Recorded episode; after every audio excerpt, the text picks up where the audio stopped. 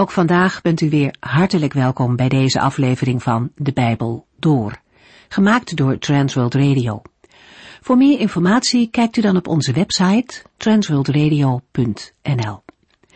In deze serie gaat u in vijf jaar tijd met ons de Bijbel door, van Genesis 1 tot en met het laatste vers in Openbaring 22.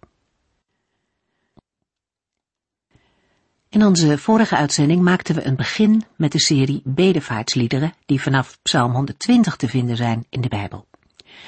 Deze titel staat ook boven de psalmen 120 tot en met 134. Letterlijk betekent het woord traptreden of opgangen en daarom worden ze ook wel opgangliederen genoemd. De Heere had de Israëlieten de opdracht gegeven om tijdens de drie grote feesten op te gaan naar Jeruzalem om hem te aanbidden. Er zijn ook Joodse uitleggers die de psalmen betrekken op de toekomst, wanneer Joden uit alle landen terug zullen keren naar Israël. Ondanks alle verschillen in deze korte psalmen zijn er ook een aantal overeenkomsten. De verwijzing naar Jeruzalem of Sion bijvoorbeeld, alleen in psalm 120 ontbreekt die. Ook valt op dat juist de alledaagse gebeurtenissen in deze psalmen een voorbeeld zijn voor geestelijke wijsheid. In deze bedevaartsliederen staan drie dingen centraal. De oproep om naar het huis van de Here te gaan, de Here die het huis bouwt en de Messiaanse belofte. De dichter van Psalm 120 woont in een omgeving waar veel strijd is. Het gaat niet zozeer om oorlogsdreiging, maar wel om leugens, spot en laster.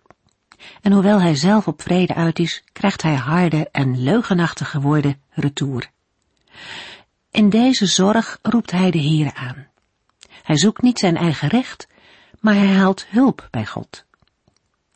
Het volgende pelgrimslied, Psalm 121, opent met de vraag waar hulp vandaan komt. En het antwoord volgt meteen, van de Heere, die hemel en aarde gemaakt heeft. Hij blijft dichtbij. De schrijver vergelijkt Gods nabijheid met iemands schaduw. Die raak je niet kwijt. En zo dichtbij blijft ook de Heere. Psalm 122 is gericht op Jeruzalem, de stad van de Heere God. David spoort aan om te bidden voor de vrede van deze stad. Een gebed dat ook vandaag dringend nodig is. We zijn de vorige keer geëindigd met Psalm 123. Daar spreekt een intens vertrouwen uit. Hoewel het leven moeilijk is, ziet de schrijver omhoog naar de Heere, totdat er uitkomst zal komen. Alleen van God verwacht hij hulp. Hij kijkt omhoog en niet om zich heen. We lezen verder vanaf Psalm 124. David wordt in het opschrift in de Masoretische traditie vermeld, maar zijn naam ontbreekt in de Septuaginta en enkele Hebreeuwse handschriften. Het is mogelijk dat de gelijkenis met Psalm 118 een reden is geweest om Davids naam ook hier te vermelden maar de vermelding kan ook in de andere tradities weggevallen zijn. Als David de psalm niet heeft geschreven, is het niet te achterhalen wie de auteur wel is geweest. Een datering op grond van de inhoud is moeilijk. De beschreven situatie blijft zo algemeen dat de psalm bij uitstek geschikt is als danklied na allerlei uitreddingen. Het genre van de psalm is dat van een danklied. Veelal is sprake van persoonlijke dankliederen, maar in Psalm 124 wordt de dank gemeenschappelijk bezongen. De psalm bevat veel metaforen om de verlossing van de vijanden aan te geven. Psalm 124 is opgebouwd uit twee delen. Het eerste deel spreekt over de aanwezigheid van de Heere als basis voor verlossing van de woede van vreemde mensen. De woede wordt vergeleken met een wild dier en met een woeste rivier. Het tweede deel spreekt over dezelfde verlossing, maar nu wordt de ellende voorgesteld als de valstrik van de vogelvanger die gebroken wordt en krijgt de lofprijzing meer nadruk. Psalm 124 vers 1 tot en met 5 Een bedevaartslied van David Laat Israël het volgende zeggen. Was de Heere niet steeds bij ons? Was de Heere niet steeds bij ons toen wij werden aangevallen door vreemde mensen? Zij hadden ons wel levend kunnen verslinden, toen ze in hun woede op ons afkwamen. Wij hadden kunnen verdrinken in een woeste rivier. Het kolkende water had zich dan boven ons gesloten. De openingswoorden over de aanwezigheid van de Heere worden letterlijk herhaald. Hiermee wordt sterke nadruk gelegd op die aanwezigheid. God was aanwezig en toonde dat in de bescherming van zijn volk. Er waren tegenstanders die Israël hadden aangevallen. Tegenover hen stond de Heere aan Israëls zijde. Als de Heere toen niet te hulp was gekomen en als Israël er alleen had voorgestaan, was de situatie ongetwijfeld heel anders geweest. Dan waren de vijanden machtiger geweest en was Israël opgeslokt als door een groot dier. Daarbij is te denken aan een aardbeving, zoals in de geschiedenis van Korach en de zijne, die door de aarde werden opgeslokt. Ook de woeste rivier, die hen mogelijk had kunnen overspoelen, is een beeld van de woede van de vijanden. Zoals een droge waddy in enkele seconden kan veranderen in een kolkende rivier, die alles in zijn baan meesleept. Zo zijn de vijanden voor Israël, die bliksemsnel door het land trekken en alles op hun wegen vernietigen. Als de hulp van de Heere er niet was geweest, was Israël reddeloos verloren geweest. Psalm 124, vers 6 tot en met 8. Maar prijs de Heere, hij liet dat niet toe. Dankzij hem kregen zij ons niet te pakken. Wij ontkwamen, zoals een vogel wegglipt uit het net van de vogelvanger. De valstrik is kapot en wij zijn ontsnapt. Wij vinden hulp bij de Heere. Hij heeft de hemel en de aarde gemaakt. Het tweede deel van de psalm begint, net als het eerste, met een combinatie van de naam van God en een ontkenning. Maar nu ligt de nadruk op de eer die aan de Heere wordt toegebracht. Hij verdient die eer, omdat hij zijn volk niet heeft overgegeven aan de vijanden, waarvan in het eerste gedeelte sprake was. Zij waren als wilde beesten die hun prooi willen verscheuren. Als contrast met de bloeddorstige dieren beschrijft de dichter zichzelf en zijn volksgenoten als weerloze vogels die gevangen zitten in een valstrik. Maar de strik breekt en de jager kan zijn prooi niet binnenhalen. Daarin heeft de Heere de hand gehad. De nadruk ligt op het ontsnappen. Dat was geen toeval of een meevaller, maar te danken aan de hulp van de Heere. Hier wordt, in overeenstemming met Psalm 121, duidelijk gemaakt dat de hulp alles te maken heeft met de Heere. Hier wordt echter zijn naam genoemd. Die naam drukt zijn wezen uit. Hij is erbij en als de aanwezige kan hij hulp bieden. De verwijzing naar het scheppingswerk van hemel en aarde onderstreept het contrast dat in vers 2 werd aangegeven. De mens die tegen het volk van God opstaat, maakt geen schijn van kans. De schepper van hemel en aarde, ook van de mens, strijdt aan de kant van Israël. Het volk beleidt dat de Heere de hulp gaf die het nodig had. Hij heeft gehandeld ten behoeve van Israël. Ondanks de uitzichtloze situatie waar het volk zich in bevond, bleek de schepper van hemel en aarde, die zich aan zijn volk had verbonden, de aanwezige. Die ervaring zet aan tot dankzegging en lofprijzing. Als God voor ons is, wie kan dan tegen ons zijn? Die gedachte komt in deze psalm sterk naar voren. Net als het volk Israël hebben we gelovigen vandaag de bevestiging nodig dat de Heere, die hemel en aarde heeft gemaakt, onze hulp is en steeds beschikbaar. We gaan verder met Psalm 125. De auteur van Psalm 125 is onbekend en een datering is moeilijk. In vers 3 wordt gesproken over onderdrukking van de gelovigen. De periode na de ballingschap past daar goed bij. Maar er waren ook eerder in de tijd van de koningen situaties van onderdrukking en geestelijk verval. Psalm 125 valt te klassificeren als een gemeenschappelijk lied van vertrouwen. Het gebed in de slotverse wordt ingeleid door een meervoudige beleidenis van de relatie met de Heere. Psalm 125 vers 1 tot en met 3. Een bedevaartslied.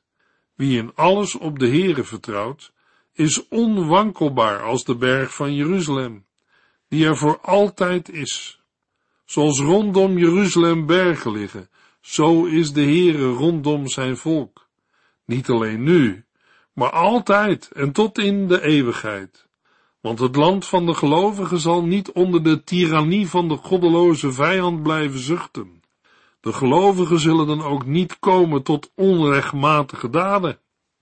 De psalm spreekt na het opschrift een diep vertrouwen in de Heer uit, dat concreet gemaakt wordt met betrekking tot de gelovigen, de aanwezigheid van de Heere en de bevrijding vanuit onderdrukking.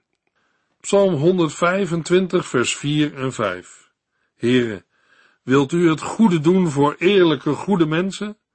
Als iemand echter van de rechte weg afdwaalt, zal hij samen met de ongelovigen door de Heere worden vernietigd. Laat er vrede zijn in Israël. Na de drievoudige uiting van vertrouwen volgt in het tweede hoofddeel het gebed om vergelding in positieve zin. Dat gebed ligt in het verlengde van de overtuiging dat onderdrukking niet lang zal kunnen bestaan. De dichter vraagt aan de Heere trouw te zijn aan zijn verbond, dat niet wordt genoemd, maar wel verondersteld. Dat doet de Heere door goed te doen aan hen die hem trouw zijn. Dat zijn de gelovigen, de oprechten van hart. Waar er beloning is voor de goeden, zullen zij die kromme wegen gaan, door de Heere worden vernietigd. Psalm 125 eindigt met een zegenwens. Het is de Heere die voor zijn volk zorgt.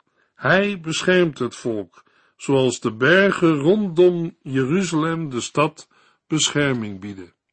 Hij die het land aan zijn volk heeft beloofd, zal niet toestaan dat het steeds door anderen wordt overheerst. Toch is het gebed om beloning, vergelding en vrede niet overbodig. De belijdenissen over Gods bescherming zorgen ervoor dat in tijden van onderdrukking het vertrouwen niet vervaagt. Ze bieden houvast om in tijden van gevaar en moreel verval te bidden om uitkomst. Aan het begin van de tweede groep van vijf bedevaartsliederen staat het contrast tussen gelovigen en de ongelovigen centraal. Opvallend is dat de belijdenissen over het handelen van de Heere als houvast dienen voor het heden. Zij geven de moed en het vertrouwen om ook in de tegenwoordige tijd met smeekgebeden tot Hem te gaan. We gaan verder met Psalm 126. Het genre van Psalm 126 lijkt op dat van een gezamenlijk klaaglied, al ontbreken daarvan enkele karakteristieke elementen. In het begin van de psalm staat een terugblik op eerdere verlossing, vers 1 tot en met 3. Het functioneert als nadruk op het gebed van vers 4, de eigenlijke kern van het lied. De versen 5 en 6 zijn een uiting van vertrouwen. Psalm 126 roept levendige voorstellingen op. Er wordt gelachen en gejuicht. Volken verbazen zich. Mensen zaaien al huilend hun akkers in en halen juichend de oogst binnen. Het lijkt niet mogelijk Psalm 126 aan een concrete historische achtergrond te verbinden. Er worden wel verbanden gezien met het taalgebruik van het Bijbelboek Joël. Maar over de datering van Joël zijn ook verschillende meningen. De psalm is globaal in tweeën te verdelen, waarbij de herinnering aan een eerdere verlossing, de versen 1 tot en met 3, als het ware model staat voor het gebed om nieuwe verlossing, de versen 4 tot en met 6. Het tweede deel moet worden opgedeeld in het eigenlijke gebed, vers 4, en een uiting van vertrouwen dat het gebed op termijn zal worden verhoord, de versen 5 en 6. Psalm 126, vers 1 tot en met 3. Een bedevaartslied. Als de Heere de ballingen laat terugkomen in Jeruzalem, zal het net zijn of wij dromen. Dan breken wij uit in gejuich en iedereen lacht van blijdschap. Dan zullen zelfs de ongelovige volken rondom ons zeggen dat de Heere wonderen bij ons doet. De Heer heeft inderdaad grote wonderen onder ons gedaan. Wat waren wij blij! De dichter herinnert zich een situatie uit het verleden, waarin de Heere had ingegrepen. Er worden door uitleggers verschillende mogelijkheden genoemd. In ieder geval heeft de Heere op wonderlijke wijze ingegrepen en was de situatie radicaal anders geworden. Voor hen die het hadden meegemaakt, was de kentering zo bijzonder dat ze het bijna niet konden geloven. De verandering was zo ingrijpend dat zij die het meemaakten niet anders konden dan lachen en juichen. Deze woorden doen denken aan wat Jeremia het volk voorhield in de tijd voor de ballingschap. De volken rondom Israël zagen de ommekeer en konden niet anders dan erkennen dat de Heere daar de hand in had. Na de uitgebreide herinnering aan een eerdere verlossing volgt nu in vers 4 een gebed. Heere, wilt u een ommekeer geven in onze situatie? Israël smeekt de Heere om verandering van de situatie. Het gebed beoogt een radicale verandering. Psalm 126, vers 5 en 6. Wie met verdriet in het hart huilend hun akkers inzaaien, ervaren tegen de oogsttijd vaak grote vreugde. Ook al huilt iemand terwijl hij op pad is om te zaaien, zeker is dat hij blij lachend de rijke schoven zal wegdragen. Om het gebed te onderstrepen, volgt een duidelijk beeld van vertrouwen. Het zaaien gaat moeizaam en de uitkomst is onzeker. De vraag die door de hoofden speelt is, zal er volgend jaar wel kunnen worden geoogst? Het antwoord wordt gegeven in vers 6. Zeker is dat hij blij lachend de rijke schoven zal wegdragen. De Heere wordt niet genoemd, maar hij is ongetwijfeld verantwoordelijk voor de goede oogst en daarom ook de bron van de grote vreugde. Er moet eerst hard worden gewerkt. Een mens blijkt in dit beeld van de oogst niet passief te kunnen wachten op wat de Heere geven wil, maar zal alles moeten doen wat in zijn vermogen ligt. De geruststelling is dat de Heere dat werk wil zegenen. Gods reddende optreden in het verleden biedt perspectief in hedendaagse moeilijkheden. Het maakt dat zij die God willen dienen vol vertrouwen uitzien naar de toekomst. Een toekomst van vreugde lijkt misschien ver weg, maar het is juist het verwachtingsvolle van zaaien dat de Heere wil zegenen met een rijke oogst. Dat geldt ook voor mensen die niet te maken hebben met de realiteit van zaaien, maaien en oogsten. In meer algemene termen kan worden gesteld dat het werk van een gelovige door de Heer wordt gezegend. In de vroege kerk leefde de overtuiging dat de Heere, die een goed werk was begonnen, het ook zal voltooien. We gaan verder met Psalm 127. Psalm 127 vertoont sterke overeenkomsten met de wijsheidsliteratuur. De psalm staat op naam van Salomo. Van Salomo is bekend dat hij duizend vijf liederen maakte. Het is opvallend dat er maar weinig in het psalmenboek zijn terechtgekomen. Psalm 127 vers 1 en 2 Een bedevaartslied van Salomo. Als de Heere de bouw van een huis niet zegent, is alle moeite nutteloos. Ook staat de wachter voor niets op wacht, als niet de Heere de werkelijke bescherming over de stad geeft. Het is zinloos als u vroeg opstaat en tot diep in de nacht ploetert. God geeft zijn kinderen wat ze nodig hebben in de slaap. Psalm 127 is opgebouwd uit twee delen. Het eerste deel, vers 1 en 2, benadrukt dat succes niet van menselijke inspanning, maar van inbreng van de Heere afhankelijk is. Als de Heere zich niet bemoeit met het werk van de mens, zal de drukte niets opleveren. Het harde werken van de mens kan positief zijn, als hij op een verantwoorde manier met Gods scheppingsopdracht bezig is. Als de Heere niet zegent, is alle moeite nutteloos. Het tweede deel, vers 3 tot en met 5, heeft die gedachte ook, maar veel minder prominent. De nadruk ligt nu op de zegen die ouders ontvangen in de kinderen, die de Heere hen geeft. Psalm 127, vers 3 tot en met 5. Kinderen zijn een geschenk van de Heere. Hij beloont u met een nageslacht. Zoals de pijl in zijn hand de soldaat zekerheid geeft, beloven ook uw kinderen veel voor de toekomst. Gelukkig is degene wiens koker vol zit met zulk soort pijlen. Hij heeft de zekerheid, ook in zijn ouderdom, veilig te zijn.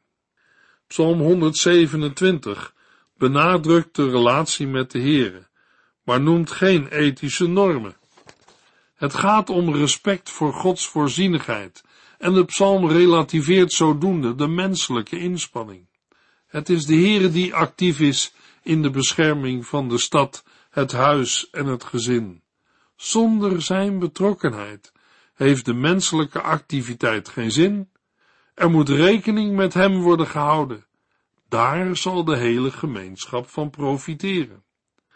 Des te erger is het dat in onze samenleving het spreken over God meer en meer uit het publieke leven is verbannen, alsof alles van onze menselijke activiteiten afhangt.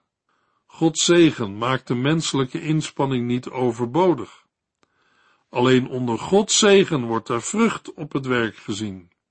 Deze boodschap is in de tijd van de 24-uurs-economie bijzonder actueel. We gaan verder met Psalm 128. Net als Psalm 127 is ook Psalm 128 te klassificeren als een wijsheidspsalm. De kenmerken van de wijsheidsliteratuur die hier worden gebruikt zijn onder andere het thema van ontzag hebben voor de Heere en het spreken over het leven van alle dag. In Psalm 128 gericht op het gezin. Veel is geschreven in de tweede persoon enkelvoud. Ook een kenmerk van de wijsheidsliteratuur. De stijl van de laatste twee versen doet denken aan een priesterlijke zegen en lijkt daarmee eerder liturgisch. Dat maakt Psalm 128 passend in het bundeltje bedevaartsliederen. Na het opschrift begint de dichter met een zaligspreking, die hij in drie delen uitwerkt, en vervolgens in enigszins gewijzigde vorm herhaalt. Daarna volgt in de versen 5 en 6 een zegenwens, die uitloopt op een algemene wens voor geheel Israël. Psalm 128, vers 1 tot en met 6. Een bedevaartslied. U bent een gelukkig mens als u ontzag hebt voor de Heere en doet wat hij wil. Uw werk zal u voldoende opleveren om van te leven. Het gaat goed met u en u bent heel gelukkig. Uw vrouw die bij u woont zal vruchtbaar zijn. Uw zonen zitten bij u aan tafel. Luister, al die zegeningen zijn voor wie diep ontzag heeft voor de Heere. Ik bid dat de Heer u vanuit Jeruzalem zal zegenen. Dan zult u zien hoe goed het met de stad is, zolang u leeft. En u zult zien hoe goed het is met uw kleinkinderen. Laat er vrede zijn in Israël. Net als in Psalm 127 wordt succes of voorspoed onlosmakelijk verbonden aan de juiste relatie met de Heere. Daarbij mag duidelijk zijn dat het ontvangen van Gods zegen en geluk geen automatisme is. Iedere zegen blijft afhankelijk van Gods soevereine wil. Zolang een mens niet in de juiste verhouding tot zijn schepper staat, blijft de zegen weg. Voor ons lijken de aspecten die de dichter hier als zegen bestempelt, soms vanzelfsprekend en zelfs maakbaar. Maar dat zijn ze niet. De toegewenste vrede in het slotvers is elders in de Bijbel verbonden met de Messias, Jezus Christus. De laatste drie psalmen van deze uitzending kan ik niet meer dan samenvatten.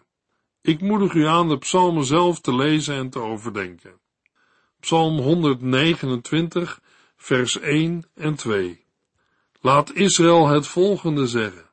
Sinds de tijd dat ons volk ontstond, zijn wij onderdrukt. Van het begin af aan hebben zij ons in moeilijkheden gebracht, maar ze hebben ons niet overwonnen. Israël werd niet vernietigd, omdat de Heer hen heeft bewaard. Gods ingrijpen in het verleden biedt hoop op verlossing in iedere situatie van lijden. Isaac da Costa geeft in zijn bespreking van Psalm 129 aan dat Jeruzalem in de loop van de geschiedenis 17 keer ingenomen en verwoest is. Er is volgens hem geen volk dat zoveel geleden heeft als Israël. Toch was het begin van Israëls historie genade, en haar einde zal heerlijkheid zijn. Niet om Israël op zichzelf, maar om de God van Israël. Voor christenen is het van belang om Gods werk in de geschiedenis te zien. Steeds weer heeft de Heere uitkomst gegeven, en hij zal dat blijven doen, ook in moeilijke tijden. Psalm 130 Psalm 130 is een psalm van hoop en verwachting op de Heere. De dichter identificeert zich met zijn volk. De moeilijke situatie roept de zonde in gedachten, maar vergeving en genade zijn bij de God van Israël verkrijgbaar, zodat iedereen ontzag voor hem zal hebben. Het is waarschijnlijk dat de diepten die in het begin van de psalm genoemd worden, aan het einde nog net zo diep zijn, want er wordt geen verandering of concrete verlossing genoemd. De verlossing is nog toekomstmuziek, maar zal zeker komen. Psalm 131 In Psalm 131 gaat het over verootmoediging, vertrouwen en verwachten. Ons mensen past bescheidenheid en er blijven veel raadsels. Maar het is mogelijk om in die omstandigheden onze toevlucht tot de Heere te nemen, zoals een kind naar zijn moeder gaat. Het vertrouwt zijn moeder helemaal. In dat persoonlijke vertrouwen op de Heere ligt een belangrijk verschil tussen de gebeden in het Oude Testament en die van de andere volken in het Midden-Oosten. Vanuit de relatie met de Heere mag op grond van zijn beloften een zegenrijke toekomst worden verwacht. In Matthäus 18 staat een kindmodel voor de manier van binnengaan in het koninkrijk van de hemelen. Wie zichzelf zo eenvoudig en klein vindt als dit kind, is de grootste in het koninkrijk van de hemelen. Jezus spoort zijn leerlingen aan om tot rust te komen door van hem te leren. Willen wij dat leren? In de volgende uitzending lezen we Psalm 132 tot en met 136. U heeft geluisterd naar De Bijbel Door, in het Nederlands vertaald en bewerkt door Transworld Radio. Een programma waarin we in vijf jaar tijd de hele Bijbel doorgaan. Als u wilt reageren op deze uitzending of u heeft vragen, dan kunt u contact met ons opnemen. Tijdens kantooruren kunt u bellen op 0342 47 8432 0342 47 8432. Ook kunt u een e-mail sturen naar de en natuurlijk kunt u ook via de post ons bereiken. TWR, postbus 371, postcode 3770, AJ in Barneveld. Dit programma werd gepresenteerd door Cor Weda en Ike André. Techniek was in handen van Odin van Voerkom. En wij allemaal bedanken u voor het luisteren. Graag tot de volgende keer.